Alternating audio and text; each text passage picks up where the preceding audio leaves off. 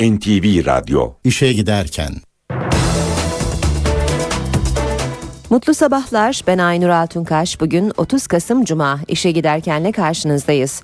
Saat 9'a kadar Türkiye ve dünya gündemindeki gelişmeleri, gazete manşetlerini, piyasa verilerini, yol ve hava durumlarını aktaracağız. Önce gündemin öne çıkan başlıklarına bakalım.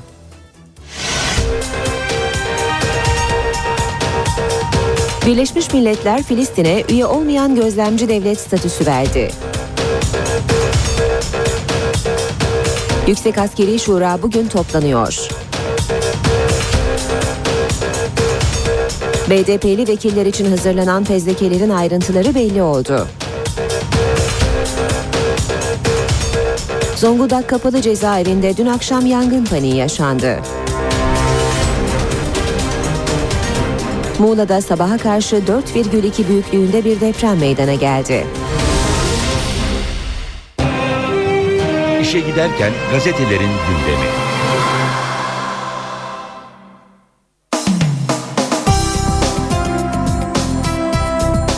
Basın özetlerine Hürriyet gazetesiyle başlıyoruz.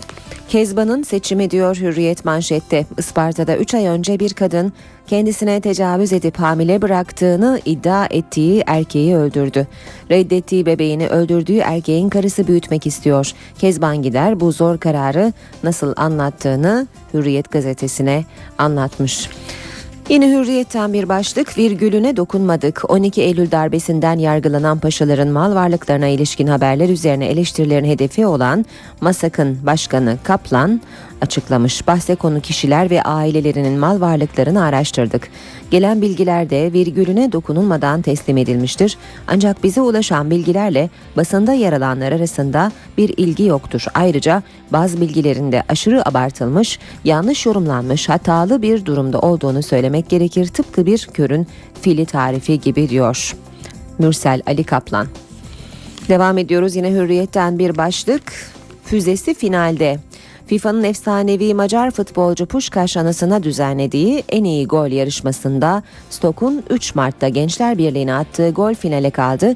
Diğer iki finalist Atletico Madrid'den Falcao ve Santoslu Neymar oldu. Sabah gazetesiyle devam edelim. Filistin'in Birleşmiş Milletler zaferi diyor sürmanşetinde sabah topraklarında iki devlet kurulmasını öngören karardan 65 yıl sonra Filistin'e Birleşmiş Milletler kapıları açıldı. Filistin'in Birleşmiş Milletler'de gözlemci devlet statüsünü kazanmak için yaptığı başvuru genel kurulda ezici çoğunluğun desteğini sağladı. Zaferin ardından Filistin'de halk sokaklara döküldü. Dışişleri Bakanı Davutoğlu genel kurulda yaptığı konuşmada Filistin güneşin altında hak ettiği yeri almalıdır dedi. Sabahta manşet kayıt dışı çete. İş yerlerini Sosyal Güvenlik Kurumu müfettişi gibi denetleyip sigorta işlemlerinizde eksiklik var şantajıyla rüşvet alan sahtekarlar yakalandı. Milliyet gazetesine bakalım. Seçmece fezleke olmaz diyor Milliyet manşette. Kılıçdaroğlu'ndan dokunulmazlıklar için net mesaj. Sadece BDP'lilerin dokunulmazlıklarının kaldırılmasına onay vermeyeceklerini söyleyen CHP lideri ancak 800 fezlekenin tamamı gelirse destekleriz diyor. Kendimizi çıkmaz sokağa itmeyelim. Cumhurbaşkanı Gül, BDP'lilerin dokunulmazlıklarının kaldırılması konusunda ihtiyatlı konuştu. Deplilerle ilgili 1994'teki süreci atıf yapan Gül, geçmişte denediğimiz, yakın tarihimizde olup bitenlerden örnekler var. Dolayısıyla kendimizi çıkmaz sokaklara itmememiz lazım, dedi. Bir diğer başlık Milliyet gazetesinden Bağımsız ruhum başımı derde soktu. Robert Redford kurucusu olduğu Bağımsız Film Festivali Sundance'ın televizyon kanalının Türkiye'de yayına başlaması nedeniyle İstanbul'da 40 yıldır dünyanın hem en büyük sinema yıldızlarından hem de en çekici erkeklerinden biri olarak bilinen Redford, hayatım boyunca bağımsız ruhlu biri oldum, bu başımı belaya sokmadı değil dedi. Cumhuriyet gazetesiyle devam ediyoruz. Fezleke çatlağı diyor Cumhuriyet manşette. Erdoğan'ın BDP'lilerle ilgili girişimi Kürt vekilleri rahatsız ederken Gül'den bir çıkış daha geldi. Erdoğan'ın BDP'lilerin dokunulmazlıkları kaldırılacak açıklamasına parti yönetimi hazırlıksız yakalandı. AKP dokunulmazlıkları şiddet ya da terör kriterleriyle kaldırma formülünü tartışıyor. Fezlekelerin jet hızıyla komisyona getirilmesi partinin Kürt vekillerinde rahatsızlık yarattı. Galip Ensarioğlu red oyu kullanacağını açıkladı. Cumhurbaşkanı Gül de geçmişte örnekler var kendimizi çıkmaz sokaklara itmememiz lazım diye konuştu. Devam ediyoruz basın özetlerine. Radikal gazetesine bakalım. Hrant olduğunu bilmiyordum. Tartışılan ombudsman açıklamış. Nihat Ömeroğlu Yargıtay üyesiyken verdiği Hrant Dink kararı için 23 kişiden biriydim dedi. Hrant Dink'i ulusalcı tepkilerden biliyordum ama dosyada farkına varmadım. Zaten ismi Fırat Dink'ti. Dosya üzerinden vicdani kanaatimize göre karar verdik. Başbakanın oğluna nikah şahitliği için de şöyle konuşmuş. Çağırmam normal. Geleceğini bilseydim Sayın Kılıçdaroğlu'nu da çağırırdım. Kararlarıma baksınlar sonra eleştirsinler. Vatan gazetesiyle devam ediyoruz. İşte o villa diyor Vatan manşette 12 Eylül darbecilerinin yüzlerce villası olduğuna ilişkin iddiaların Masak raporundan kaynaklandığı anlaşıldı. Orgeneral Ersin'in kızı ve oğluna ait 169 villada Bodrum'da 16,9 numaralı tek yazlık çıktı. Şirince'de kıyamet hazırlığı. Maya takvimine göre 21 Aralık'ta kıyamet kopacak. Buna inanan on binlerce kişi ayakta kalacak tek yer olan Şirince'ye akın ediyor, diyor Vatan Gazetesi.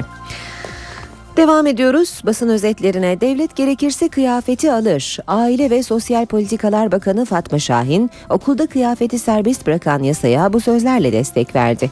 Komünist ülkelerde bile tek tip kıyafetin kalmadığını söyleyen Bakan Şahin, ailelerin maddi yükün artacağı iddiasını ise şöyle yanıtladı.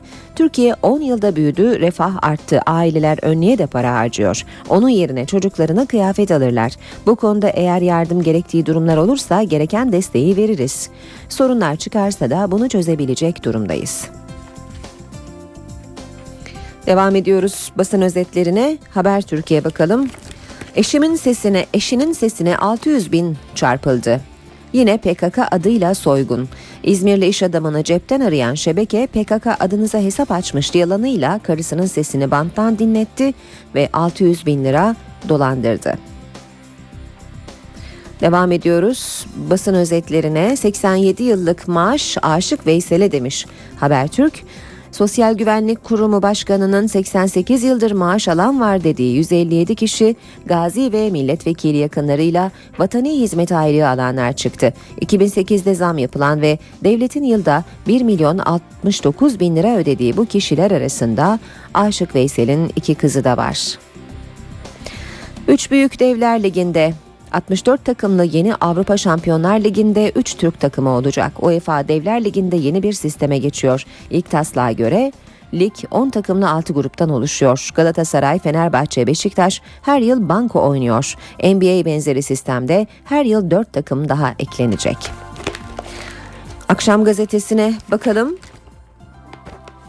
Akıl kayması diyor akşam manşette. Trabzon Beşköy'de cinayet cinayete teşebbüs gibi uygulama. Belediyenin dere yatağında selde yıkılabilir gerekçesiyle boşalttığı bina okula dönüştürüldü. 150 öğrenci uçurum kenarında ölüm korkusuyla ders yapıyor. Belediye başkanı isyanda. O bina hazır mezarlık. Yeni Şafak gazetesi tarihi zafer demiş manşette Gazze'de hezimete uğrayan İsrail'e bir tokatta uluslararası toplumdan geldi. Filistin'in üye olmayan gözlemci devlet statüsü için yaptığı başvuru Amerika ve İsrail'in tüm engelleme çabalarına rağmen Birleşmiş Milletler'de ezici bir çoğunlukla kabul edildi. Evet 138, hayır 9, çekimser 41 diyor oylama sonucu olarak Yeni Şafak. Ve son başlık Zaman Gazetesi'nden Necip Ablemitoğlu dosyası raftan iniyor. Faili meçhul cinayetleri aydınlatma kapsamında 10 yıl önce öldürülen Doktor Necip Ablemitoğlu'nun dosyası da yeniden açılıyor. Ankara Cumhuriyet Başsavcılığına gönderilmek üzere hazırlanan dosyada Ergenekon sanığı Albay AU ve Assubay TÜ ile ilgili önemli bulgulara yer verildi. AU ve TÜ'nün cinayet günü polisin delil toplama çalışmalarını yerinde izlediği belirtildi.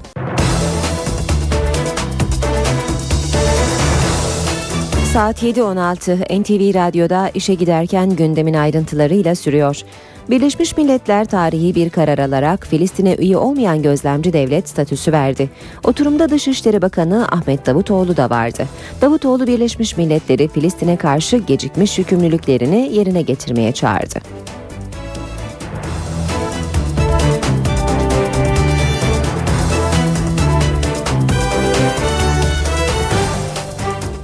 Please log the machine. Birleşmiş Milletler Filistin için tarihi bir karara imza attı. 138 Filistin Birleşmiş Milletler'de 138 üyenin desteğini alarak üye olmayan gözlemci devlet statüsü kazandı. Oylamada 9 ülke hayır oyu kullandı, 41 ülke ise çekimser kaldı. Hayır oyu kullanan ülkelerin başında ABD, İsrail ve Çek Cumhuriyeti geliyor. Dışişleri Bakanı Ahmet Davutoğlu, Filistin Devlet Başkanı Mahmut Abbas'ın başkanlık ettiği Filistin heyetini bizzat tebrik eden ilk isim oldu. Abbas oylama öncesi yaptığı konuşmada Birleşmiş Milletler'den Filistin devletinin temellerini atmasını istedi. Bugün Birleşmiş Milletler daha fazla erteleyemeyeceği tarihi bir görevle karşı karşıya. Bugün üye ülkelerden Filistin devletinin doğum sertifikasını çıkarmasını istiyoruz. Abbas'tan sonra kürsüye Dışişleri Bakanı Ahmet Davutoğlu çıktı. Davutoğlu BM'yi Filistin'e karşı gecikmiş yükümlülüklerini yerine getirmeye çağırdı. Filistin devletinin tanınması uluslararası toplum için bir seçenek değil. Ahlaki, siyasi, stratejik ve meşru bir yükümlülüktür. Filistin'in devlet olma hakkını kazanması için doğru zaman şimdi değilse ne zaman? Davutoğlu'nun konuşmasının sık sık alkışlarla kesilmesi dikkat çekti. Birleşmiş Milletler'in aldığı karara İsrail ve Amerika Birleşik Devletleri tepkiliydi. İsrail Başbakanlık Ofisi'nden yapılan açıklamada bu anlamsız karar hiçbir şeyi değiştirmeyecek. İsrail vatandaşlarının güvenliği garanti altına alınmadıkça Filistin devleti kurulmayacak denildi.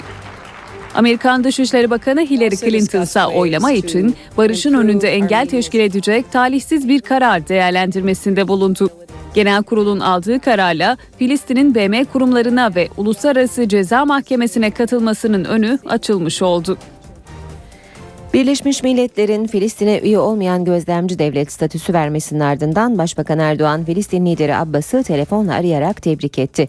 Birleşmiş Milletler Genel Kurulu'nda kararın açıklanmasının ardından Başbakan Erdoğan Filistin Devlet Başkanı Mahmut Abbas'ı aradı. Erdoğan sizin şahsınıza tüm Filistin halkını tebrik ediyorum dedi. Hayırlı olsun ifadelerini kullandı. Başbakan oylama sonucundan memnuniyet duyduğunu dile getirdiği Abbas'a Türkiye'nin önümüzdeki süreçte de Filistin'in haklı davasında yanında olmaya devam edeceğini söyledi. Filistin Devlet Başkanı Abbas da kendilerine verdiği destekten dolayı Türkiye ve Türk halkına minnettar olduklarını belirtti. Başbakan Abbas'ı telefonla arayıp tebrik eden ilk lider oldu. Birleşmiş Milletler'de alınan karar Filistinlileri sevince boğdu. Kararın açıklanmasıyla Ramallah sokaklarında kutlamalar başladı. Ramallah'ta genç, yaşlı yüzlerce Filistinli ellerinde bayraklarla Birleşmiş Milletler'de alınan tarihi kararı kutladı. Sadece Ramallah değil, Gazze'de de bayram havası hakimdi. Birleşmiş Milletler'in kararını kutlamak için Gazze'liler de sokağa döküldü. Kutlamalarda Filistinlilerin 194. devlet yazılı pankartlar taşıması dikkat çekti. Gazze şeridinde kontrolü elinde tutan Hamas da karardan duyduğu memnuniyeti dile getirdi. Hamas'tan yapılan açıklamada Filistin'in üye olmayan gözlemci devlet statüsü alması tarihi bir zafer olarak değerlendirildi. İşe giderken Meclis Başkanı 9'u BDP'li, biri bağımsız 10 milletvekilinin dokunulmazlıklarının kaldırılması için hazırlanan fezlekeleri Anayasa Adalet Komisyonu'na gönderdi. Ancak Cumhurbaşkanı Abdullah Gül'den konuyla ilgili dikkat çekici bir açıklama geldi. Gül 1994'te DEP milletvekillerinin meclisten çıkartıldığı dönemi hatırlattı. Geçmişteki şeyler tekrarlanırsa onların da bizi bir yere götürmediğini gördük dedi. 9'u BDP'li, biri bağımsız 10 milletvekili hakkındaki dokunulmazlık dosyaları Anayasa Adalet Karma Komisyonu'na gönderildi. Komisyon, dokunulmazlıkların kaldırılmasına karar verirse dosyalar genel kurula gönderilecek. Genel kuruldan da onay çıkarsa 10 milletvekilinin hakim karşısına çıkmasının önü açılacak. Vekillerin dokunulmazlıklarının kaldırılmasına ilişkin tartışma da sürüyor. Cumhurbaşkanı Abdullah Gül 1994 yılında depli milletvekillerinin meclisten çıkartılması sürecini hatırlattı. Sorumlulukla hareket edilmesini istedi. Terör, kan ve şiddet tasvip edilemez. En aykırı düşünceler, fikirler tartışılır. Terörle şiddet arasında mutlaka mesafe konulmalı. Kendimizi çıkmaz sokaklara sokmamalıyız. Herkesin, tüm milletin sorumluluğu var. Geçmişteki şeyler tekrarlanırsa onların da bizi bir yere götürmediğini gördük. Anayasa Adalet Karma Komisyonu Başkanı Burhan Kuzu, Cumhurbaşkanı'nın 1994 yılını hatırlatmasını yorumladı. Biz dokunulmazlık dosyaları ile ilgili karar verirken 94'teki gibi olur mu diye düşünemeyiz. Cumhurbaşkanı ve Başbakanın konumu aynı değil. Cumhurbaşkanı ve Başbakan her zaman aynı telden çalmaz şeklinde konuştu. Başından beri BDP'lilerin dokunulmazlıklarının kaldırılmasını savunan MHP Cumhurbaşkanı'na tepkili. Türkiye'de kırmızı ışık ihlalleri devam ediyor. Ne yapacağız? Kırmızı ışıkta geçmeyi serbest mi bırakacağız? CHP Grup Başkan Vekili Akif Hamza Çebi ise ayrım yapmadan mecliste bekleyen tüm fezlekelerin işleme konulmasını önerdi. milletin koyacağı tepkiyi e, dengelemek amacıyla şimdi BDP'lilerin dokunulmazlıkların kaldırılmasını gündeme getirmiştir. Bekleyen bütün dokunulmazlık dosyalarını ilgili karma komisyon değerlendirsin ve bütün dokunulmazlıkları kaldıralım. Van Cumhuriyet Başsavcılığı tarafından hazırlanan fezlekenin ayrıntıları ortaya çıktı. Savcılığa göre milletvekilleriyle PKK'lıların buluşması bilinçli olarak ve topluma bir mesaj vermek amacıyla gerçekleşti. 9'u BDP'li, biri bağımsız, 10 milletvekilinin meclise gönderilen fezlekesinden ilginç ayrıntılar ortaya çıktı. Van Cumhuriyet Başsavcılığı kucaklaşma sırasında grubun güvenliğini sağlayan ancak sonraki günlerde teslim olan Zinar Kod adlı terör örgütü mensubunun ifadesine dayanarak görüş bildirdi. Savcılığa göre milletvekilleriyle PKK'ların orada bir araya gelmesi tesadüf değil. Savcılık, kucaklaşma görüntüleriyle PKK'nın Şemdinli'de örgütün hakimiyeti altında bulunan bir alan oluşturulduğu imajı yaratmak istediği görüşünde. Fezleke'de ayrıca milletvekillerinin teröristlerle buluşmasının ardından yaptıkları konuşmalara da yer verildi. Buluşma sonrası bir internet sitesine röportaj veren bazı milletvekilleri gerillaları görünce yüreğimiz titredi. Bir anne olarak bunu derinde hissettim ifadelerini kullandı. Van Cumhuriyet Başsavcılığı tarafından hazırlanan fezlekede Zinar Kod adlı terör örgütü mensubunun ifadesine de yer verildi. Örgüt üyesi ifadesinde milletvekillerinin Şemdinli'ye geleceklerinin önceden bilindiğini söyledi. BDP'li milletvekilleriyle görüşen PKK'ların örgütün Hakurke grubu olduğunu söyleyen örgüt üyesi, başka bir grubunda 500 metre mesafede emniyet tedbiri aldığını belirtti. Siyasetin bir diğer polemik konusuysa ilk ve orta öğretimde forma zorunluluğunun kaldırılması. Hükümete göre uygulama tek tipçi anlayışa son veriyor. Muhalefete göre ise Cumhuriyet'in kazanımları kaybediliyor.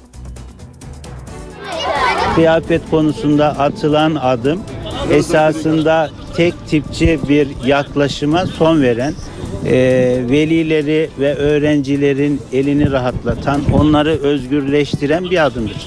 Cumhuriyetin kazanımlarını şimdi tek tek kaybetmeye başlama kaybetmeye başladı. Siyasetin yeni konusu okullarda kılık kıyafet serbestliği getiren yönetmelik. Hükümet tartışmaları olumlu buluyor. Tartışmalar her zaman olumludur. Herkes fikrini söyler e, ve bu fikirler dinleyenler de ona göre e, kendi değerlendirmelerini yaparlar. Muhalefet uygulamaya tepkili. CHP lideri Kemal Kılıçdaroğlu hükümeti çocuklar üzerinden siyaset yapmakla suçladı. Çocuk üzerinden siyaset yapılmaz. Şimdi diyorlar ki önlüğü kaldırıyoruz. Tek tip getirilmesinin nedeni bütün çocukların kendisini eşit hissetmeleridir. Kim fakir, kim zengin belli olmaz. Kılıçdaroğlu uygulamanın sosyal sonuçlarına dikkat çekti. Çocuk görecek. Her hafta veya her gün yeni bir markayla bir çocuğun geldiğini düşünün. Bir de öbür aileyi düşünün. Nasıl olacak? O yaştaki çocuğun psikolojisindeki bozulmanın sorumlusu kim olacak? Yazık günah değil mi bu çocuklar? Darbe ve Muhtıraları Araştırma Komisyonu 9 ay süren çalışmasını tamamladı. Darbe süreçlerine ilişkin nihai raporunu Meclis Başkanlığı'na sundu. Komisyon Başkanı Nimet Baş çalışmalarını ve darbeler raporunun ayrıntılarını NTV'ye anlattı. Maraş, Taksim, Sivas başbağlar gibi aynı zamanda aydınlatılmasını istediği siyasi suikastler var. Bu suikastlerin her biri adım adım ülkeyi darbeye ve darbe şartlarına götürmüştür. Türkiye bu konuyla hesaplaşmamış durumdadır. Bu hesaplaşmayı, yüzleşmeyi yapabilmesi için engellerle, barikatlarla karşılaşmadan ilerleyebileceği bir komisyonun kurulması lazım. Darbe ve Muhtıraları Araştırma Komisyonu Başkanı Nimet Baş, yeni ve daha kapsamlı bir komisyonun sinyalini verdi. Baş, Özel Harp Dairesi'nin darbelerdeki rolünü anlattı. Bütün dinlediğimiz dönemin genelkurmay başkanlarına, başbakanlarına, cumhurbaşkanlarına, Emniyet Genel Müdürlüğü yapmış eski İçişleri Bakanımıza da sorduk. Böyle bir yapının hiçbir şekilde haberdar olmadıklarını söyleseler de buna ilişkin bir takım e, değerlendirmeler yaptılar. Bu çözümlenmesi gereken bir husus. Komisyonun engellere takıldığı konulardan biri de devlet sırrı. Bu durumun değişmesi de öneriler arasında. Devlet sırrı ve ticari sır gibi kavramların sınırlarını çizecek yasal düzenlemedeki muğlaklığın giderilmesi ve gerçek anlamına uygun bir şekilde tanımlanmasını istedik. Belli maddeler tutulduğu sürece darbeye ve darbeci zihniyet her zaman hukuki gerekçe oluşturacak bir takım düzenlemeler mevcut olacaktır. Nimet Baş'ı en çok etkileyen olaylardan biri BDP'li Sırrı Süreyya Önder'le MHP'li Atilla Kaya'nın işkencecileriyle yüzleştikleri toplantı. Baş o buluşmayı acıların ortak olduğunu anlamamız açısından çok önemliydi sözleriyle değerlendirdi. Sırrı Süreyya Önder ve Atilla Kaya'nın kimliğinde o döneme acılarını yaşayan tüm mağdurlar adına bir yüzleşme olduğunu düşünüyorum. Darbe Komisyonu Başkanı Süleyman Demirel'in Türkiye'yi kurtarıyormuş gibi davranmadan çalışmalarını tamamlasınlar sözlerini de değerlendirdi. Sayın Demirel'in e, sözlerini de e, bir temenni olarak bitmiş bir durumda gerçi komisyonumuz ama öyle algıladım. Darbe Komisyonu raporunu Meclis Başkanlığı'na teslim etti ancak rapor MHP'yi tatmin etmedi. Alternatif bir rapor hazırlayıp itirazlarını sıralayan MHP, Başbakan Erdoğan'ın 27 Nisan bildirisine ilişkin sorulara tam yanıt vermediğini savunuyor ve 27 Nisan bildirisiyle Dolmabahçe görüşmelerinin bütün açıklığıyla ortaya çıkmadığını vurguluyor. 27 Nisan e-muhtırasını nasıl anlamlandırıyorsunuz? Sorusunu sordum. Cevabı yok. Orada bir mutabakat var mıdır? Psikolojik mutabakat var mıdır? Fiziki bir mutabakat var mıdır? Yani yazılı bir mutabakat var mıdır? Ya da gözlerimin içerisine bak ne dediğimi anla mutabakatı var mıdır? Gelme üstüme gelmeyin üstüne mutabakatı var mıdır? MHP Darbe Komisyonu'nun nihai raporuna itirazlarını alternatif bir çalışmada topladı. MHP'ye göre raporda eksik ve yanlışlar var. En yakın zamandaki e, muhtırayı, en somut muhtırayı biz e, yargılamazsak, biz algılamazsak, e, bundan 60 sene önceki olmuş bir darbeyi e, muhataplarının yüzde doksanı e, ölmüş olan e, bir darbeyi anlamamızın, değerlendirmemizin de çok fazla bir e, yararı olmayacaktır. MHP komisyonun gerçekleri araştırma komisyonu kurulması önerisine de karşı çıkıyor. MHP'nin alternatif raporunda bu önerinin Abdullah Öcalan'ın gündeme getirdiği Hakikatleri Araştırma Komisyonu'na benzediğini belirterek eleştiriyor. Gerçekler Araştırma Komisyonu biliyorsunuz Öcalan'ın ifade ettiği Hakikatleri Araştırma Komisyonu'nun e, Türkçe'ye tercüme edilmiş halidir. Bunu böyle koymayın dedik. MHP rapordaki Kürt sorunu tanımına da Türkiye'yi cehenneme çevirir diyerek sert tepki gösteriyor. Türkiye'nin böyle bir meselesi yoktur. Kürt meselesi Türkiye'nin bölünmesi meselesidir. Kürt meselesi bağımsız Kürdistan meselesidir. Birazdan spor haberlerini sunacağız. Şimdi kısa bir aramız var. Ara vermeden önce gündemin başlıklarını hatırlatalım.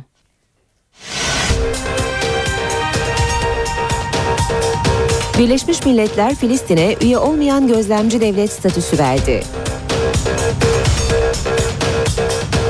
Yüksek Askeri Şura bugün toplanıyor. BDP'li vekiller için hazırlanan fezlekelerin ayrıntıları belli oldu. Zonguldak Kapalı Cezaevinde dün akşam yangın paniği yaşandı. Muğla'da sabaha karşı 4,2 büyüklüğünde bir deprem meydana geldi.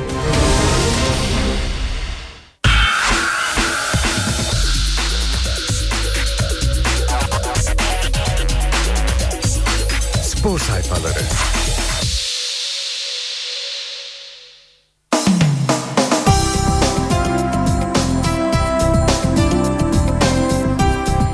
Spor haberleriyle devam ediyor işe giderken saat 7.38 Hürriyet gazetesinin spor sayfalarıyla başlıyoruz bu bölüme. Aktaracağımız ilk başlık bir senede Galatasaray'a teknik direktör olurum. Puta'nın başarılı antrenörü futbola kafa yorsa sahaya inebileceğini söyledi. Ergin Ataman'ın açıklamalarını görüyoruz. Pota'da rakip tanımayan Aslanların hocası iddialı açıklamalar yaptı. Basketbol dışında futbolla da ilgiliyim. Fatih Terim'e büyük saygı ve sevgim var ama net olarak söylüyorum ki bir sene eğitim alıp çalışsam futbol takımını çalıştırırım. Fatih Hoca da basketbol takımını demiş Ergin Ataman. Devam ediyoruz. Stok'un golü dünyanın zirvesinde. Ödülü kazanmak için Falcao ve Neymar'la yarışacak. FIFA'nın dünyanın en güzel golüne verdiği Puşkaş ödülüne aday gösterilen Fenerbahçeli futbolcu oylama sonunda son 3 aday arasında kaldı. Takım arkadaşı Sousa elendi. Devam edelim yine Hürriyet gazetesinden aktarmaya. Yan yana bile gelmediler. Aralarında sorun olduğu belirtilen Galatasaray Başkanı Aysal'la yardımcısı Öztürk tek kelime bile konuşmadı. Aysal bulunduğu yere gelince Adnan Öztürk ayrıldı. Adnan Öztürk sponsorluk anlaşması imza töreni sonrası başkanla aranızda sorun mu var sorusuna eliyle fermuar işareti yaparak karşılık verdi. 300 bin liralık kaldırım Fenerbahçe'den Şükrü Saracoğlu stadının önündeki alan için astronomik bir ücret istendi. Sarı lacivertler hemen itirazda bulundu. Milli emlak maçlardan önce protokol ve basın tribününün girişinde bekleme alanı olarak kullanılan kaldırım için rahiç bedel belirledi. Kulüpten yıllık 300 bin lira kira talep etti. Devam ediyoruz. Hürriyet gazetesinden aktarmaya bir röveşatan bile yok. Beşiktaş e, Beşiktaş'ın Portekizli golcüsü Hugo Almeida'dan ilginç itiraf. En kötüsü gol kaçırmak. Daha önce denedim ama başarılı olamadım. Paris, e, Paris Saint Germain'li Zlatan İbrahimovic'i çok beğendiğini ifade eden siyah beyazlı forvet onun attığı gol başka gezegenlerin golüydü bence. Henüz kariyerimde röveşata golü atamadım diye konuştu. Devam ediyoruz. Spor haberleri aktarmaya. Haber Türkiye bakalım. Dev Lig'e 3 bilet, 3 büyüklere müjde. UEFA Başkanı Michel Platini'nin Şampiyonlar Ligi ile ilgili yeni projesi Avrupa'da büyük yankı uyandırdı. Kulüp sayısının 32'den 64'e çıkarılmasını, takımların NBA modelindeki gibi konferanslara bölünerek mücadele etmesini öngören modelin Türkiye için önemi şu. Fenerbahçe, Galatasaray ve Beşiktaş'a direkt katılım hakkı veriyor. Hep böyle kalın başlığını görüyoruz Habertürk'te. Galatasaray Fenerbahçe derbisine daha iki hafta var ancak iki teknik adamın karşılıklı ataklarıyla maç çoktan başlamış gibi.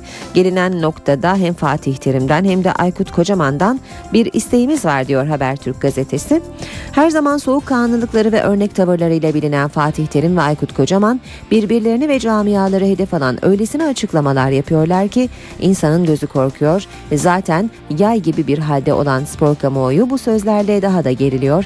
Görünen o ki bu gerilim daha da sürecek. Ancak çok değerli hocamıza da bari siz yapmayın diyerek fair play çağrısında bulunuyoruz diyor Habertürk gazetesi.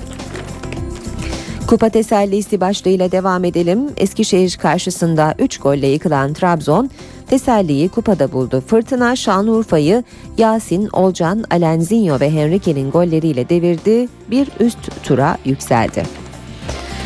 Spor Toto Süper Lig'de 14. hafta mücadelesi bu akşam başlıyor. Galatasaray Gaziantep Sporu Türk Telekom Arena'da ağırlayacak. Maç saat 20'de başlayacak. Milliyet gazetesinin de spor sayfalarına Bakalım aktaracağımız ilk başlık. Karşınızda yeni Alex. Fenerbahçe Teknik Direktörü Aykut Kocaman iyi bir form yakalayan Sezer Öztürk'ü Brezilyalı yıldızın yerinde kullanacak. Kaptan Alex gittikten sonra bu bölgeye Cristian'ı geçiren ancak verim alamayan Kocaman devre arasına kadar bu şekilde gitmeyi planlıyor.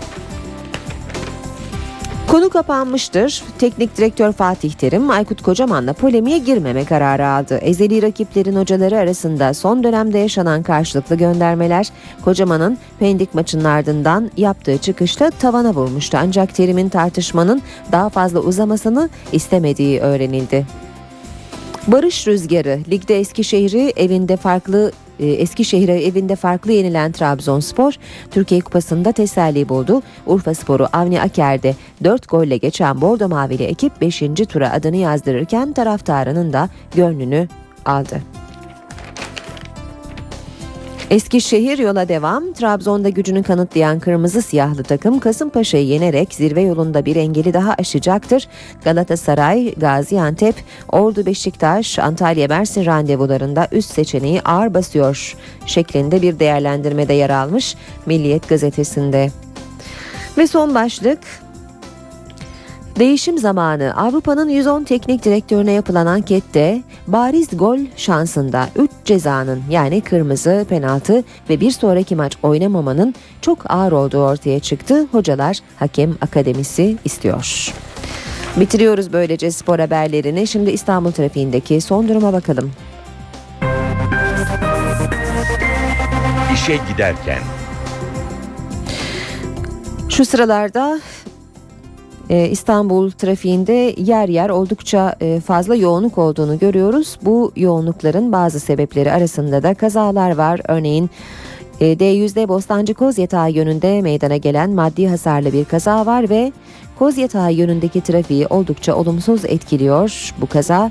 Bir diğer kaza Otogar Davutpaşa yönünde yaralamalı bir trafik kazası bu ve bölgede trafik yoğunlaşmaya devam ediyor. Fatih Sultan Mehmet Köprüsü Anadolu Avrupa geçişinde Çakmak Köprüsü gerisinden başlayan trafik köprü üzerine kadar devam ediyor.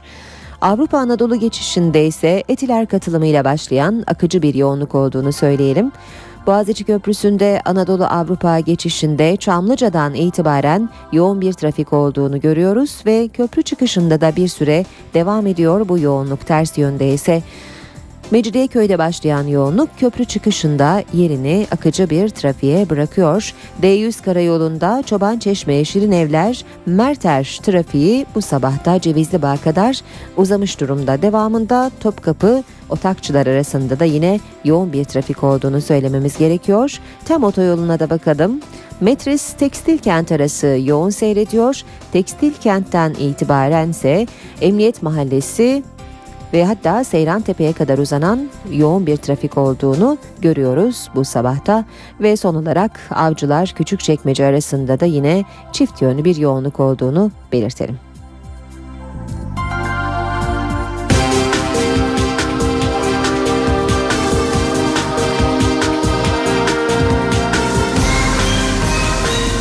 İşe giderken Türkiye'ye konuşlandırılacak Patriot hava ve füze savunma sistemleri için inceleme yapmak üzere Türkiye'ye gelen NATO heyeti incelemelerine Malatya'nın ardından Diyarbakır'da devam etti. NATO heyetinin incelemeleri kapsamında Patriot'ların konuşlandırılacağı bölgeler, sistem sayısı, Türkiye'ye gelecek yabancı personel sayısı ve konuşlanma süresi belirlenecek. Türkiye'de bulunan NATO müttefik kara komutanı Patriot sisteminin sadece Suriye'den gelecek tehdide yönelik savunma amaçlı kurulacağını söyledi. Patriotlar bir savunma sistemi. Türkiye'ye yapılması muhtemel füze ve uçak taarruzlarını engellemeyi amaçlıyor. Patriot füze sisteminin kurulma amacı bir uçuşa yasak bölge oluşturmak değil. NATO müttefik kara komutanı General Frederick Ben Hodges'tan Türkiye'ye konuşlandırılacak Patriot hava savunma sistemleriyle ilgili açıklama geldi. Hodges, sistemin sadece Suriye'den gelecek tehdide yönelik savunma amaçlı kurulacağının altını çizdi. Türkiye NATO'ya başvurarak topraklarına saldırı ve tehdit olduğunu belirtti ve Patriot savunma sistemi talebinde bulundu. Suriye tarafından yapılabilecek saldırı için istendi. General Hodges, sistemin kullanılıp kullanılmayacağının Kuzey Atlantik Konseyi'nin kararına bağlı olduğunu belirtti.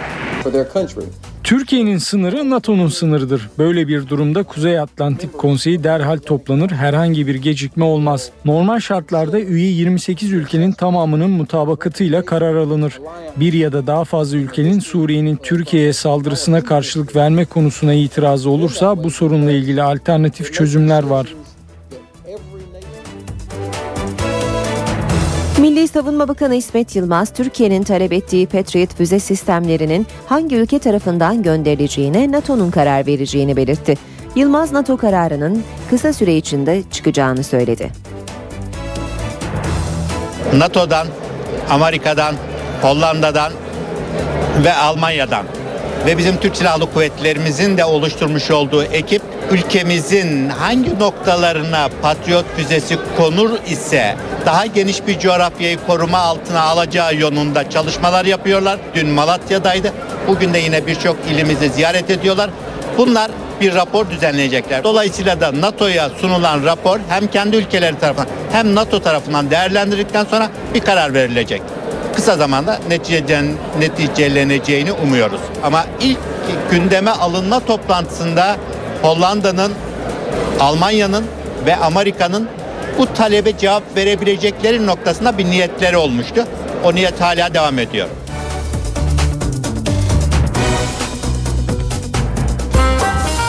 İşe giderken Cumhuriyet Halk Partisi Meclis Genel Kurulu'nda ombudsman seçilen Mehmet Nihat Ömeroğlu'nun peşini bırakmıyor. Konya Milletvekili Atilla Kart, 65 yaşını dolduran Ömeroğlu'nun kamu baş denetçiliği seçilebilme şartlarını taşımadığını savunarak Ömeroğlu'nu istifaya çağırdı. hem etik anlamda hem seçilebilme şartları anlamında tartışmanın odağına oturan kamu denetçiliği gibi bu türlü tartışmaların üstünde kalması gereken bir göreve gelen Nihat Ömeroğlu'nun aslında erdemli davranıp istifa etmesi en doğru, en akılcı ve gerçekten en mantıklı davranış olur. Seçim bitti ama tartışması bitmedi. Meclis Genel Kurulunca kamu baş denetçisi olarak seçilen Mehmet Nihat Ömeroğlu'nun peşini bırakmayan CHP, Ömeroğlu'nun seçilebilme nitelikleri konusunda yasal anlamda ihlaller olduğunu iddia etti. Konya Milletvekili Atilla Kart, Ömeroğlu'nun seçildiği tarihte 65 yaşını bitirdiğini, dolayısıyla kamu denetçiliği kurumu kanunu uyarınca seçilme şartlarını taşımadığını ileri sürdü. Böylesine yasal ve hukuki bir sakatlık ortadayken Türkiye Büyük Millet Meclisi'nin Nihat Ömeroğlu'nun görevini sürdürmesine göz yumması, görmezden gelmesi kabul ve izah edilemez. Bu takdirde kamu denetçiliği kurumu ölü doğmuş olacaktır. Ömeroğlu'nun Yargıtay'da görev yaparken verdiği Hrant Dink davası kararını da anımsatan Atilla Kart, Ömeroğlu'nun mesleki kariyerine yönelik ciddi iddialarda bulunduğunu anımsattı. Kart konuyla ilgili Meclis Dilekçe ve İnsan Hakları Karma Komisyonu'yla meclis başkanlığına başvurduğunu belirterek Ömeroğlu'nun istifasını istedi. Türkiye Büyük Millet Meclisi'ndeki bir komisyon salonu ilk kez Kürtçe tercümeye ev sahipliği yaptı. Kuzey Irak Kürt bölgesinden konuklar ağırlayan Milli Eğitim Komisyonu'na Kürtçe çevirmen getirildi.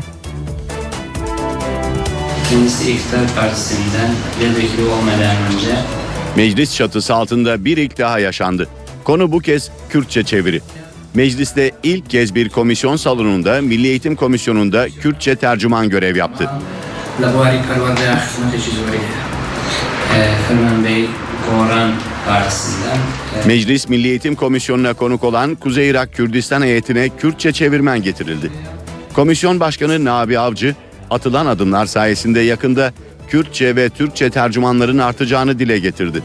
İnşallah o zaman sizin yerinizde bölgedeki Türk okullarında okumuş, Türkçeyi konuşan bir arkadaşımız oturuyor olacak. Benim yerimde de Selahattin Eyyubi Üniversitesi'nden mezun bir arkadaşımız sizinle Kürtçe konuşabilecek.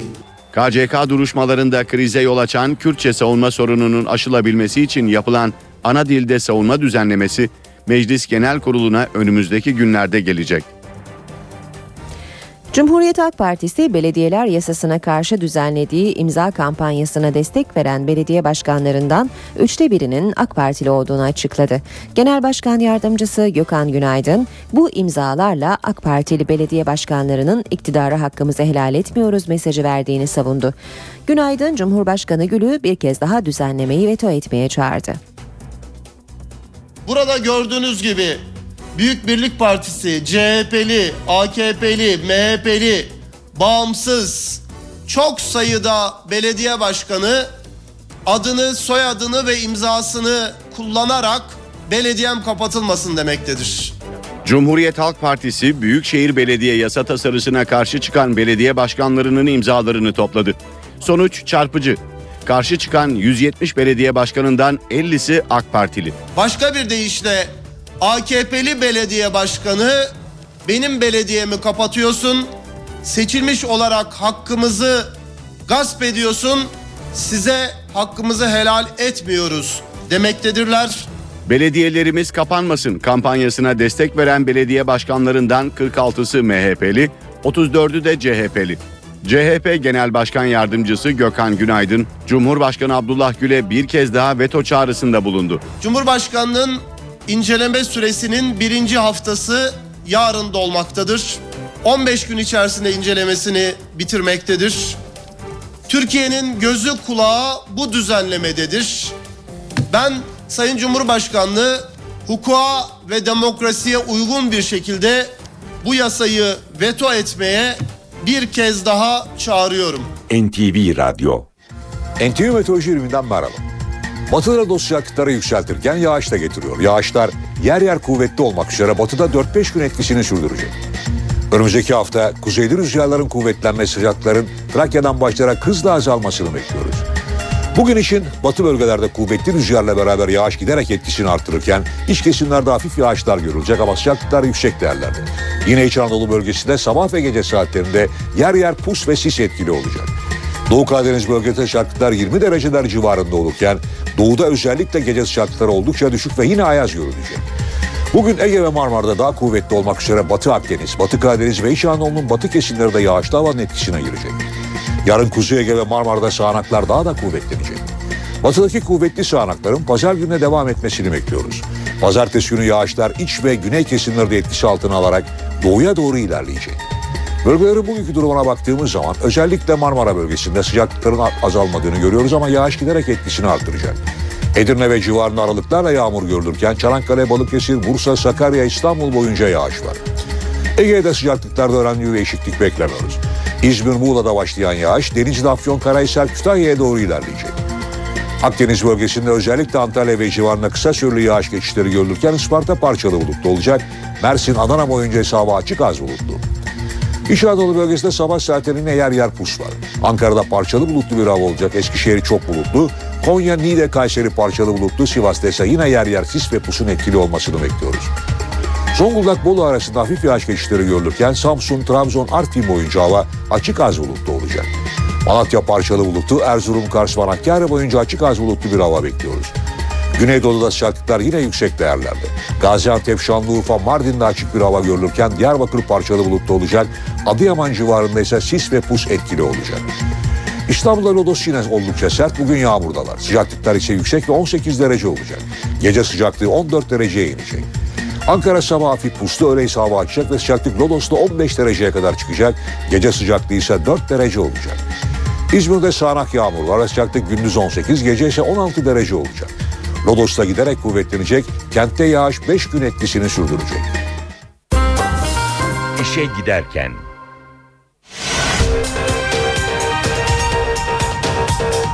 Birleşmiş Milletler Filistin'e üye olmayan gözlemci devlet statüsü verdi.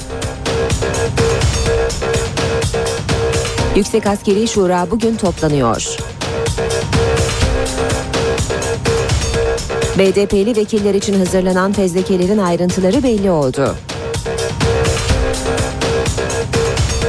Zonguldak Kapalı Cezaevinde dün akşam yangın paniği yaşandı. Muğla'da sabaha karşı 4,2 büyüklüğünde bir deprem meydana geldi. İşe giderken gazetelerin gündemi.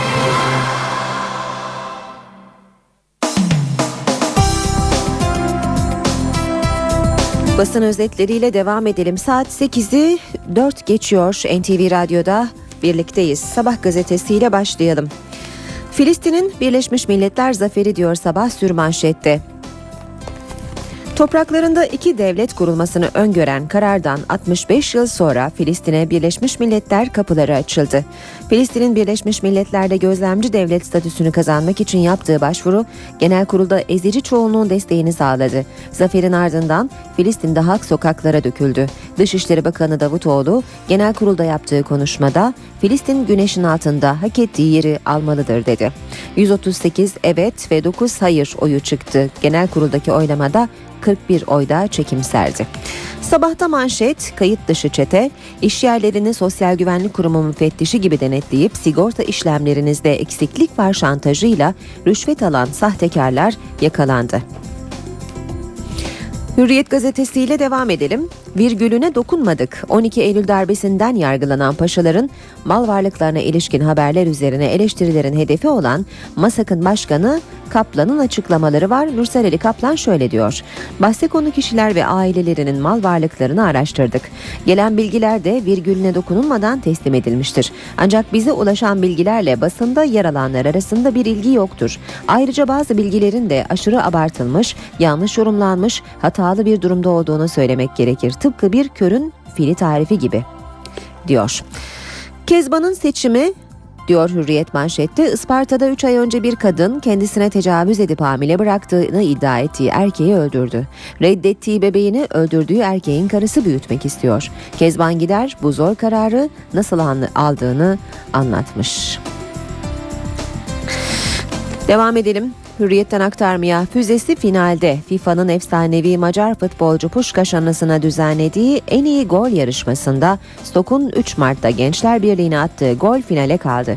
Diğer iki finalist Atletico Madrid'den Falcao ve Santoslu Neymar oldu.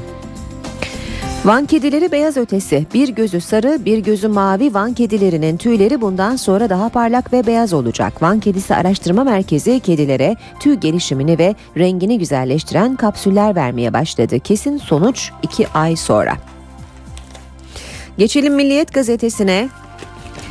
Seçmece fezleke olmaz diyor Milliyet'te manşet. Kılıçdaroğlu'ndan dokunulmazlıklar için net mesaj. Sadece BDP'lilerin dokunulmazlıklarının kaldırılmasına onay vermeyeceklerini söyleyen CHP lideri ancak 800 fezlekenin tamamı gelirse destekleriz dedi. Hemen altında Cumhurbaşkanı Gül'ün bu konuyla ilgili açıklamasını görüyoruz. Kendimizi çıkmaz sokağa itmeyelim başlığıyla. Cumhurbaşkanı Gül, BDP'lilerin dokunulmazlıklarının kaldırılması konusunda ihtiyatlı konuştu. Deplilerle ilgili 1994'teki sürece atıf yapan Gül, geçmişte denediğimiz yakın tarihimizde olup bitenlerden örnekler var. Dolayısıyla kendimizi çıkmaz sokaklara itmememiz lazım dedi. Cumhuriyet gazetesinde de fezleke çatlağı başlığını manşette görüyoruz. Erdoğan'ın BDP'lilerle ilgili girişimi Kürt vekilleri rahatsız ederken Gül'den bir çıkış daha geldi deniyor haberin üst başlığında ayrıntılar şöyle Erdoğan'ın BDP'lilerin dokunulmazlıkları kaldırılacak açıklamasına parti yönetimi hazırlıksız yakalandı. AKP dokunulmazlıkları şiddet ya da terör kriterleriyle kaldırma formülünü tartışıyor. Fezlekelerin jet hızıyla komisyona getirilmesi partinin Kürt vekillerinde rahatsızlık yarattı. Galip Ensarioğlu red oyu kullanacağını açıkladı. Radikal var sırada Hrant olduğunu bilmiyordum manşetini okuyoruz. Tartışılan ombudsman Nihat Ömeroğlu e, Radikal gazetesine açıklamalarda bulunmuş, Yargıtay üyesiyken verdiği Hrant Dink kararı için 23 kişiden biriydim demiş. Devam ediyor haber. Hrant Dink'i ulusalcı tepkilerden biliyordum ama dosyada farkına varmadım. Zaten ismi Fırat Dink'ti. Dosya üzerinden vicdani kanaatimize göre karar verdik. Başbakanın oğluna nikah şahitliği yapması için de çağırmam normal. Geleceğini bilseydim Sayın Kılıçdaroğlu'nu da çağırırdım. Kararlarıma baksınlar sonra eleştirsinler demiş Nihat Ömeroğlu. Vatan gazetesiyle devam edelim. İşte o villa diyor Vatan manşette. 12 Eylül darbecilerinin yüzlerce villası olduğuna ilişkin iddiaların masak raporundan kaynaklandığı anlaşıldı. Orgeneral Ersin'in kızı ve oğluna ait 169 villada Bodrum'da 16'ya 9 numaralı tek yazlık çıktı denmiş haberin ayrıntılarında. Devlet gerekirse kıyafeti alır. Aile ve Sosyal Politikalar Bakanı Fatma Şahin okulda kıyafeti serbest bırakan yasaya bu sözlerle destek verdi. Komünist ülkelerde bile tek tip kıyafet kalmadığını söyleyen Bakan Şahin, ailelerin maddi yükünün artacağı iddiasını şöyle yanıtladı. Türkiye 10 yılda büyüdü, refah arttı, aileler önlüğe de para harcıyor. Onun yerine çocuklarına kıyafet alırlar. Şirince'de kıyamet hazırlığı Maya takvimine göre 21 Aralık'ta kıyamet kopacak. Buna inanan on binlerce kişi ayakta kalacak tek yer olan Şirince'ye akın ediyor. Geçelim Haber Türkiye eşinin sesine 600 bin çar- çarpıldı. İzmirli iş adamını cepten arayan şebeke PKK adınıza hesap açmış yalanıyla karısının sesini banttan dinletti ve 600 bin lira dolandırdı. 88 yıllık maaş Aşık Veysel'e. Sosyal Güvenlik Kurumu Başkanı'nın 88 yıldır maaş alan var dediği 157 kişi gazi ve milletvekili yakınlarıyla vatani hizmet aylığı alanlar çıktı. 2008'de zam yapılan ve devletin yılda 1 milyon 69 bin lira ödediği bu kişiler arasında Aşık Veysel'in iki kızı da var. Akşamı okuyalım. Akıl kayması diyor akşam manşette. Trabzon Beşköy'de cinayete teşebbüs gibi uygulama. Belediyenin dere yatağında selde yıkılabilir gerekçesiyle boşalttığı bina okula dönüştürüldü. 150 öğrenci uçurum kenarında ölüm korkusuyla ders yapıyor. Belediye başkanı isyanda. O bina hazır mezarlık. Yeni Şafak'la devam edelim. Tarihi zafer demiş Yeni Şafak manşette. Gazze'de hezimete uğrayan İsrail'e bir tokatta uluslararası toplumdan geldi. Filistin'in üye olmayan gözlemci devlet statüsü için yaptığı başvuru Amerika ve İsrail'in tüm engelleme çabalarına rağmen Birleşmiş Milletler'de ezici bir çoğunlukla kabul edildi. Son başlık zamandan Necip Ablemitoğlu dosyası raftan iniyor. Faili meçhul cinayetleri aydınlatma kapsamında 10 yıl önce öldürülen Doktor Necip Ablemitoğlu'nun dosyası da yeniden açılıyor. Ankara Cumhuriyet Başsavcılığına gönderilmek üzere hazırlanan dosyada Ergenekon sanığı Albay AU ve Assubay TÜ ile ilgili önemli bulgulara yer verildi. AU ve TÜ'nün cinayet günü polisin delil toplama çalışmalarını yerinde izlediği belirtildi.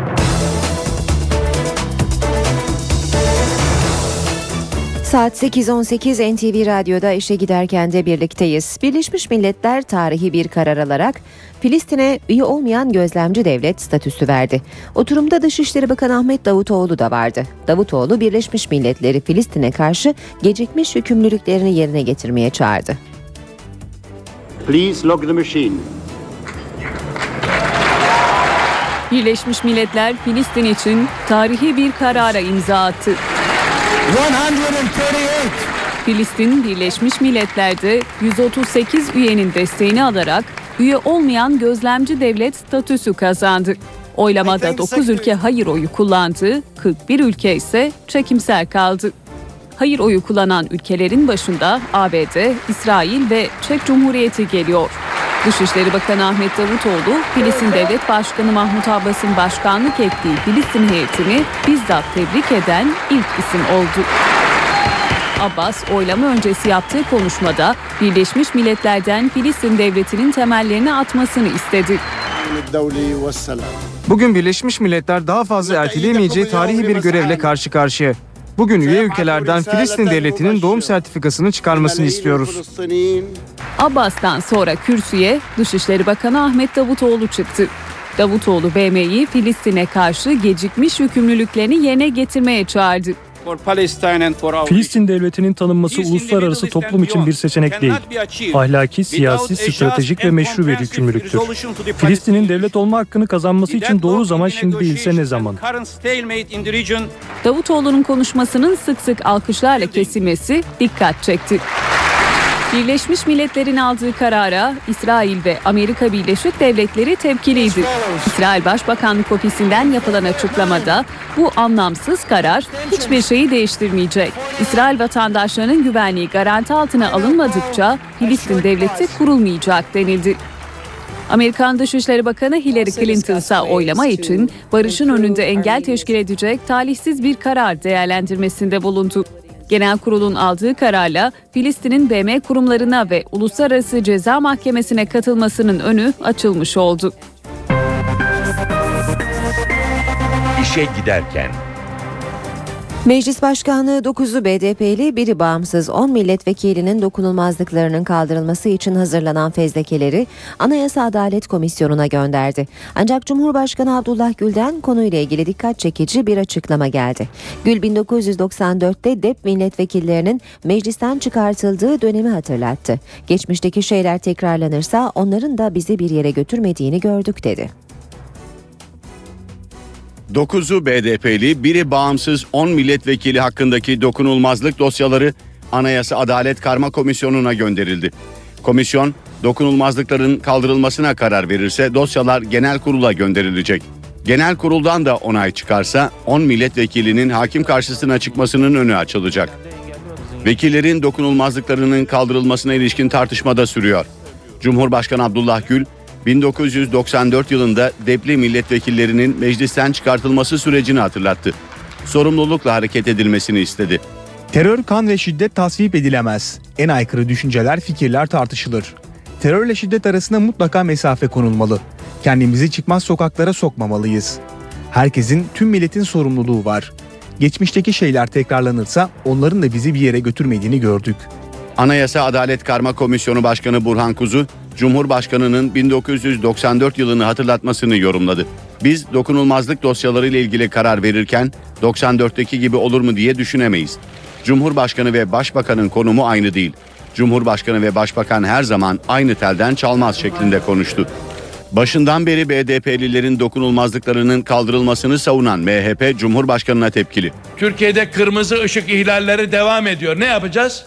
Kırmızı ışıkta geçmeyi serbest mi bırakacağız? CHP Grup Başkan Vekili Akif Hamza Çebi ise ayrım yapmadan mecliste bekleyen tüm fezlekelerin işleme konulmasını önerdi. Milletin koyacağı tepkiyi e, dengelemek amacıyla şimdi BDP'lilerin dokunulmazlıkların kaldırılmasını gündeme getirmiştir. Bekleyen bütün dokunulmazlık dosyalarını ilgili karma komisyon değerlendirsin ve bütün dokunulmazlıkları kaldıralım. Yüksek Askeri Şura kış dönemi toplantısı bugün başlıyor. Terfi ve atamaların görüşülmeyeceği şurada ana gündem Suriye başta olmak üzere çevresel tehdit değerlendirmeleri olacak. Her şurada olduğu gibi Türk Silahlı Kuvvetleri'nin harbi hazırlık durumu da değerlendirilecek. Başbakan Tayyip Erdoğan'ın başkanlık edeceği Yüksek Askeri Şura toplantısına Milli Savunma Bakanı ve Komuta Kademesi katılacak. Genelkurmay karargahındaki Çakmak Salonu'nda bir gün sürecek toplantıda bölgesel risk değerlendirmeleri ve Türk Silahlı Kuvvetleri'nin modernizasyon projeleri değerlendirilecek. Türk Silahlı Kuvvetleri'nin son bir yıl içinde değişen bölge bölgesel risk değerlendirmelerine göre ihtiyaç duyduğu yeni savunma sistemleri ve silah alımları konuşulacak. Patriot füze savunma sistemi için Türkiye'ye gelen ve mevzi keşif faaliyeti yürüten NATO heyetinin çalışmaları da toplantı gündeminde. Suriye'nin balistik füze ve hava taarruz yeteneklerine ilişkin istihbarat raporları da masaya yatırılacak. Irak'taki gelişmeler de toplantının gündemindeki diğer konulardan biri. Kuzey Irak bölgesel yönetimiyle Irak merkezi yönetimi arasında giderek tırmanan gerginlik bu gerginliğin sıcak çatışmaya dönüşmesi halinde Türkiye'nin güvenliğine muhtemel etkileri de masaya yatırılacak. Türkiye'de bulunan NATO müttefik kara komutanı Patriot sisteminin sadece Suriye'den gelecek tehdide yönelik savunma amaçlı kurulacağını söyledi. about Patriots is that it is a Patriotlar bir savunma sistemi. Türkiye'ye yapılması muhtemel füze ve uçak taarruzlarını engellemeyi amaçlıyor. Patriot füze sisteminin kurulma amacı bir uçuşa yasak bölge oluşturmak değil. NATO Müttefik Kara Komutanı General Frederick Ben Hodges'tan Türkiye'ye konuşlandırılacak Patriot hava savunma sistemleriyle ilgili açıklama geldi. Hodges, sistemin sadece Suriye'den gelecek tehdide yönelik savunma amaçlı kurulacağının altını çizdi. Türkiye NATO'ya başvurarak topraklarına saldırı ve tehdit olduğunu belirtti ve Patriot savunma sistemi talebinde bulundu. Suriye tarafından yapılabilecek saldırı için istendi. General Hodges, sistemin kullanılıp kullanılmayacağının Kuzey Atlantik Konseyi'nin kararına bağlı olduğunu belirtti. Türkiye'nin sınırı NATO'nun sınırıdır. Böyle bir durumda Kuzey Atlantik Konseyi derhal toplanır. Herhangi bir gecikme olmaz. Normal şartlarda üye 28 ülkenin tamamının mutabakatıyla karar alınır. Bir ya da daha fazla ülkenin Suriye'nin Türkiye'ye saldırısına karşılık verme konusuna itirazı olursa bu sorunla ilgili alternatif çözümler var.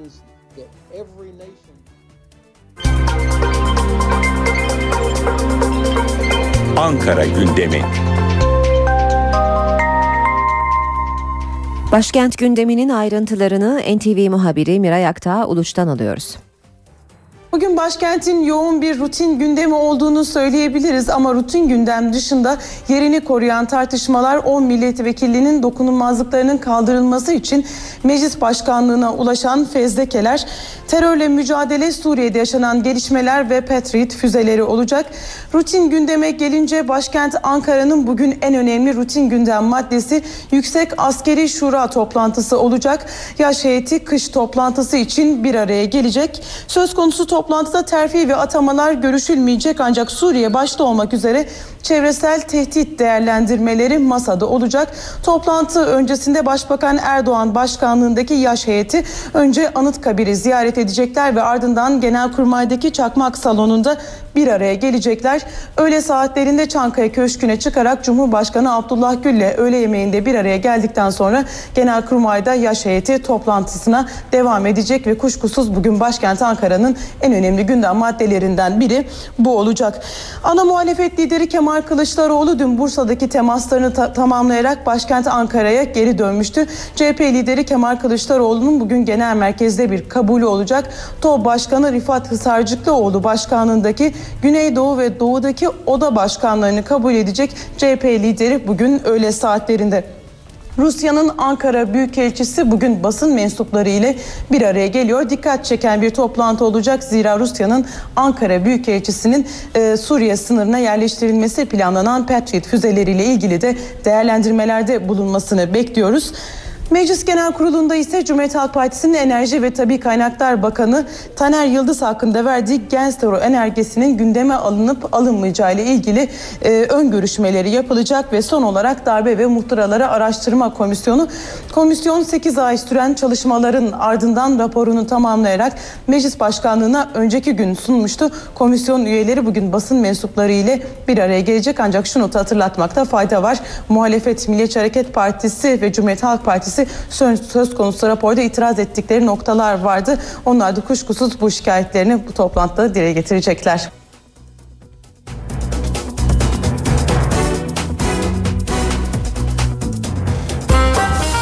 İşe giderken. İMKB 100 endeksi günü 474 puanlık yükselişle 72.500 direncinin hemen altında 72.448 puandan kapattı. Hisse senetleri ortalama %0,66 oranında değer kazandı. Bu sabah serbest piyasada dolar 1.78, euro 2.32'den işlem görüyor, euro dolar 1.30, dolar yen 82 düzeyinde. Altının onsu 1730 dolar, kapalı çarşıda külçe altının gramı 100 lira. Cumhuriyet altın 675, çeyrek altın 166 liradan işlem görüyor. Brent petrolün varil fiyatı 111 dolar.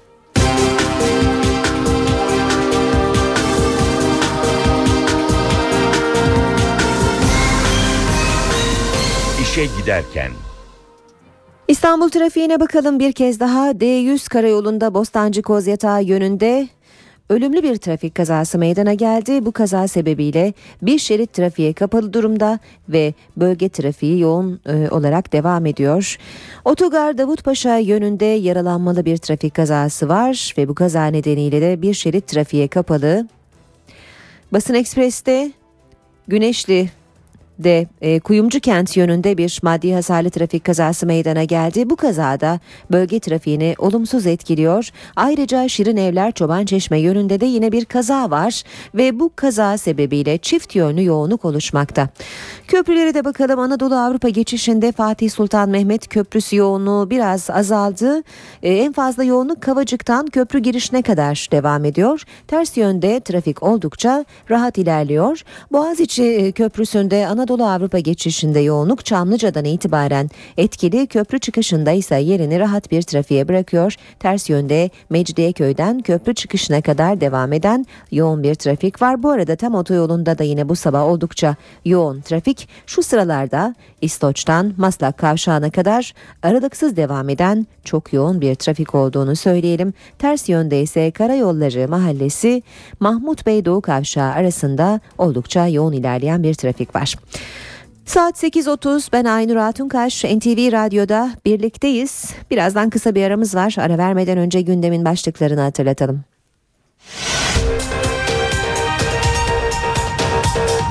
Birleşmiş Milletler Filistin'e üye olmayan gözlemci devlet statüsü verdi.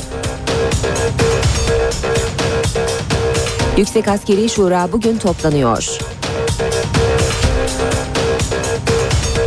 BDP'li vekiller için hazırlanan fezlekelerin ayrıntıları belli oldu.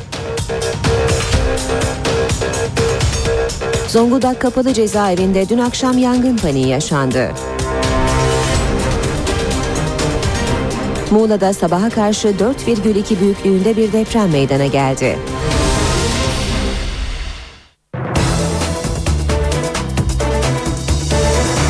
İşe giderken de birlikteyiz saat 8.37 gündemde öne çıkan gelişmeleri aktarmaya devam edelim. Muğla'da sabaha karşı 4,2 büyüklüğünde bir deprem meydana geldi. Kandilli Rasathanesi saat 4.32'de meydana gelen depremin merkezini Çakmak Köyü olarak açıkladı. Deprem çevre il ve ilçelerde kısa süreli paniğe neden oldu. Zonguldak Kapalı Cezaevinde dün akşam yangın paniği yaşandı. Yemekhanenin de bulunduğu blokun büyük bir kısmı kül oldu. Yangın sırasında bahçeye çıkarılan mahkumlar çevre illerdeki cezaevlerine nakledildi.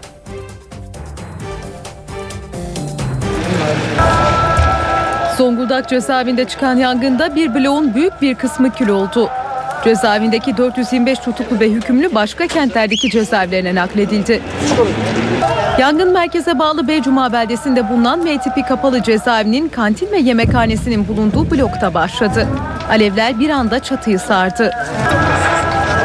Hızla yayılan yangın nedeniyle cezaevindeki tutuklu ve hükümlüler bahçeye çıkarıldı. Çok sayıda ambulans ve itfaiye ekibi cezaevine sevk edildi.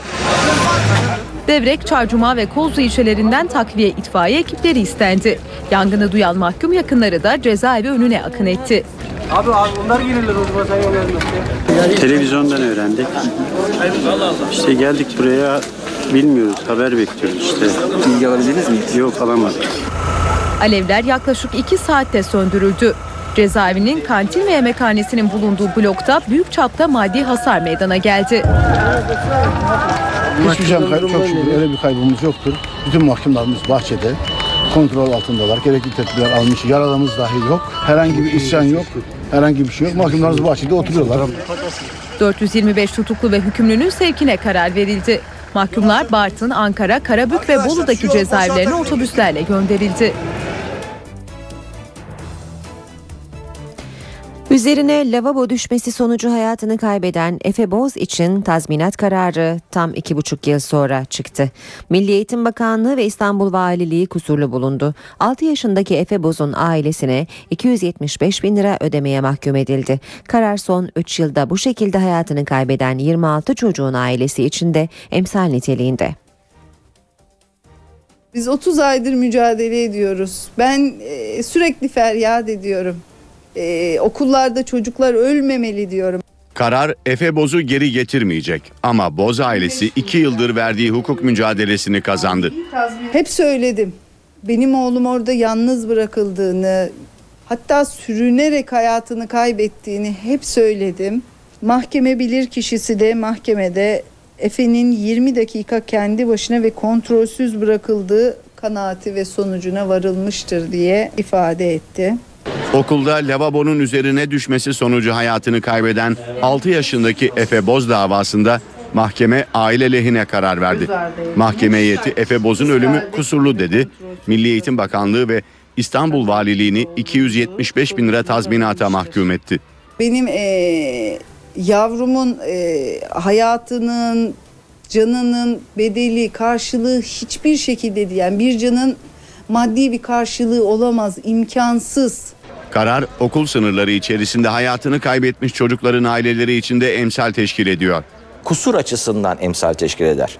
Yani e, Milli Eğitim Bakanlığı'nın efendim çocuk çok yaramazdı kendi merakıylaydı sözlerinin e, hukuken hiçbir anlamı olmadığını, eğitim kurumunun böyle bir savunma yapıyor olmasının zaten etik olmadığını söylüyorum.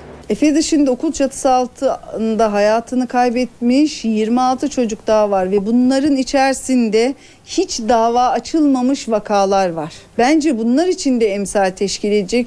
Boz ailesi alacakları tazminatla Efe'nin ismini yaşatacak bir eğitim kurumu yapmak istiyor. Biz bunu alıp e, ev almayacağız, araba almayacağız. Yine Efe'nin adını yaşatabileceğimiz kamu yararına, çocuklar yararına bir e, hizmet için kullanacağız. Tekirdağ'da 21 yaşındaki bir hemşire yatağında ölü bulundu. Genç hemşirenin bir süredir zayıflama hapı kullandığı iddiası var. Pınar Üye'nin kesin ölüm nedeni otopsinin ardından belli olacak. Pınar Üye, 21 yaşında bir hemşire. Bir sabah onu ailesi yatağında ölü buldu. Pınar Üye önceki gün iş çıkışı ailesiyle birlikte yaşadığı eve gitti. Akşam yemeğinin ardından odasına uyumaya giden genç kız sabah işe gitmek için kalkmayınca annesi odasına gitti, kızını yatağında ölü buldu. Düğün hazırlığı yapan hemşirenin zayıflama hapı kullandığı belirtildi. Evlenmek için nişanlısının askerden dönmesini bekleyen genç kız son yolculuğuna dua ile uğurlandı. Ailesi çok üzgündü. Baba Hasan Üye kızının zayıflama hapı kullandığı iddiasını doğrulamadı. İki yıl önce zayıflama hapı aldı ancak zararlarını duyunca bıraktı dedi. Genç kızın kesin ölüm nedeni otopsinin ardından ortaya çıkacak. İşe giderkenin bugün de sonuna geldik ama önce gündem başlıklarını hatırlayalım. Birleşmiş Milletler'in Filistin'e üye olmayan gözlemci devlet statüsü vermesi dünya ve Türkiye gündeminin önemli maddeleri arasında yer alıyor. Bu Birleşmiş Milletler açısından tarihi bir karar niteliği taşıyor ve Filistin'in Birleşmiş Milletler'deki statüsü yükselmiş oluyor.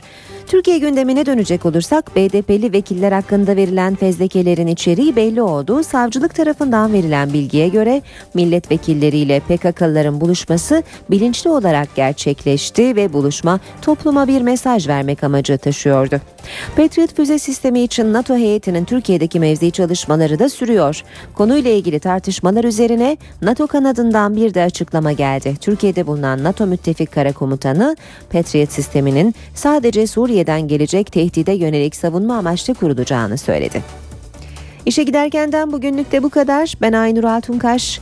Saat başında gelişmelerle yeniden buluşmak üzere. Hoşçakalın. NTV Radyo